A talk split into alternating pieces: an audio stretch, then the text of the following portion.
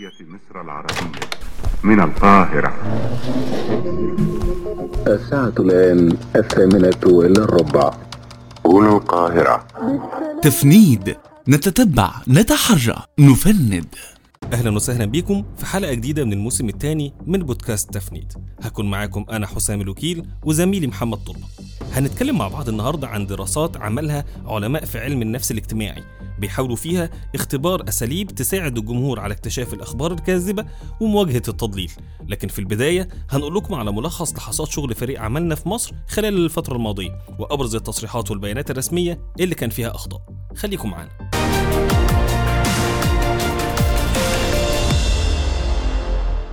أهلا بكم من تاني. فريق العمل أنتج عدد من المواد المهمة خلال الأسبوع اللي فات. وانتشرت أنباء عن إغلاق شركتي أوبو وريلمي لإنتاج الهواتف الذكية فروعهم في مصر. الأخبار تم تداولها بقلق وانتقادات للأوضاع الاقتصادية في مصر.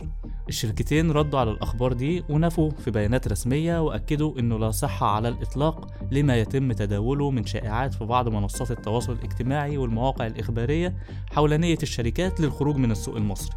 بتطوير البحث فريق العمل توصل لعدد كبير من موظفي شركة أوبو أعلنوا على مواقع التواصل الاجتماعي استغناء الشركة عنهم بعد سنوات من العمل فيها. وأكدوا إن الأسباب هي وقف الاستيراد وسعر الدولار وإن الشركة بتصرف مرتبات على آلاف الموظفين منذ فبراير 2022 بدون مبيعات.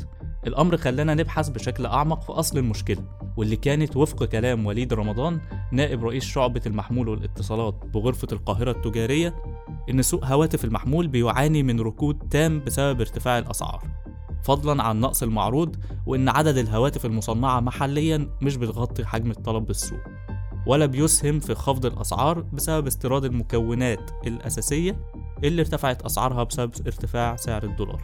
كمان كريم غنيم رئيس شعبة الاقتصاد الرقمي وعضو مجلس إدارة الغرفة التجارية بالقاهرة أكد في تصريحات صحفية إنه من مارس 2022 التجار فشلوا في استخراج الشحنات الواردة ليهم داخل الموانئ المصرية وده بسبب تراكمها وبسبب القيود اللي تم فرضها على الاستيراد واللي ساهمت في نقص المعروض وزيادة الأسعار على المنتج النهائي. بيانات الجهاز المركزي للتعبئة العامة والإحصاء كشفت كمان تراجع إجمالي واردات مصر من الهواتف المحمولة واللي بلغت 337 مليون جنيه في الثمان شهور الأولى من سنة 2022 وده مقابل مليار و230 مليون دولار لذات الفترة من عام 2021 يعني بتراجع بلغ 893 مليون و532 ألف دولار.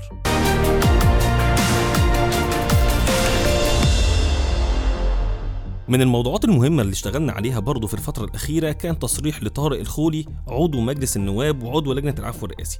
بيقول فيه إن مصر منعت الهجرة غير الشرعية بشكل كامل. فريق عملنا تتبع التصريح ووجد إنه مضلل.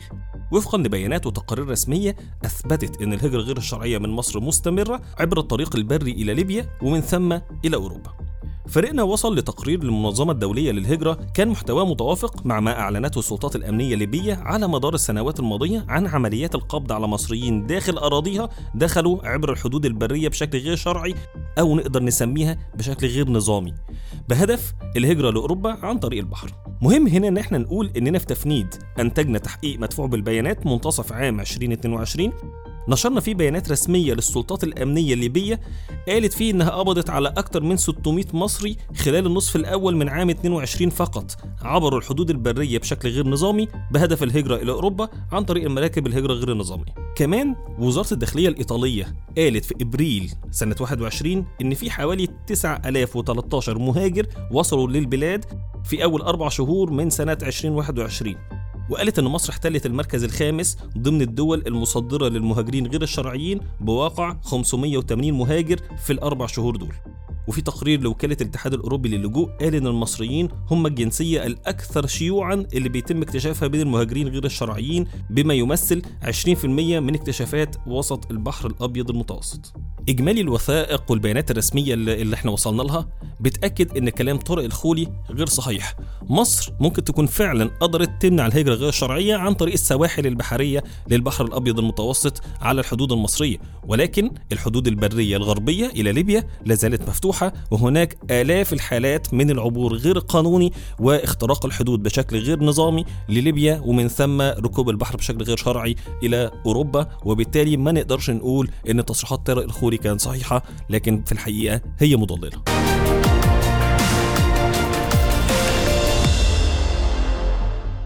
آخر موضوع معانا في الفقرة دي هو موضوع عن سوق الأدوية في مصر.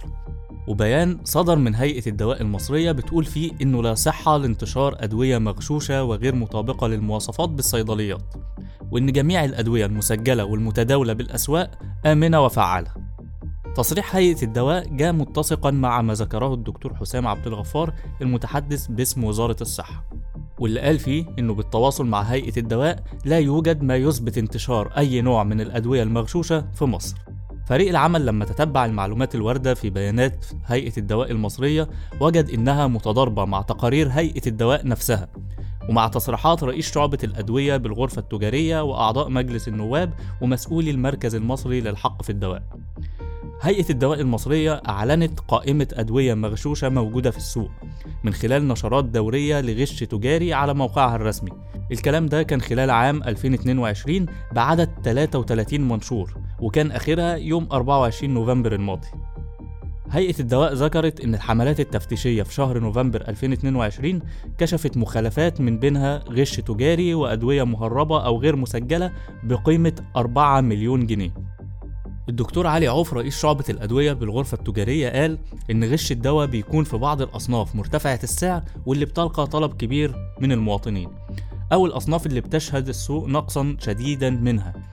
لذلك بيتجه البعض لغشها بصورة غير قانونية لتحقيق مكاسب سريعة وبطريقة سهلة. كمان أكتر من عضو مجلس النواب اتقدموا بطلبات إحاطة بسبب انتشار الأدوية المغشوشة في الأسواق المصرية واللي قالوا إن الأدوية دي أدت إلى وفاة الكثير من المواطنين والإضرار بسمعة المنتج المحلي والاستثمار في مجال الأدوية.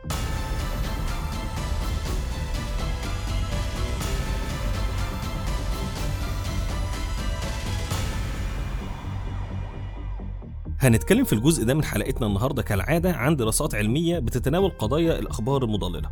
لكن النهارده مش بنحكي عن الآثار السلبية للأخبار المضللة لكن هنتكلم عن جهود بذلها علماء في تخصص علم النفس الاجتماعي علشان يفهموا أسباب قبول الناس للمعلومات الكاذبة وإزاي يساعدوا الناس إنهم يكتشفوا المعلومات الخاطئة ويحللوها ومساعدة الأطفال على تعلم مهارات التفكير النقدي. العلماء في مجال علم النفس الاجتماعي اشتغلوا الأول على إجابة سؤال مهم ليه الناس بتصدق الأكاذيب.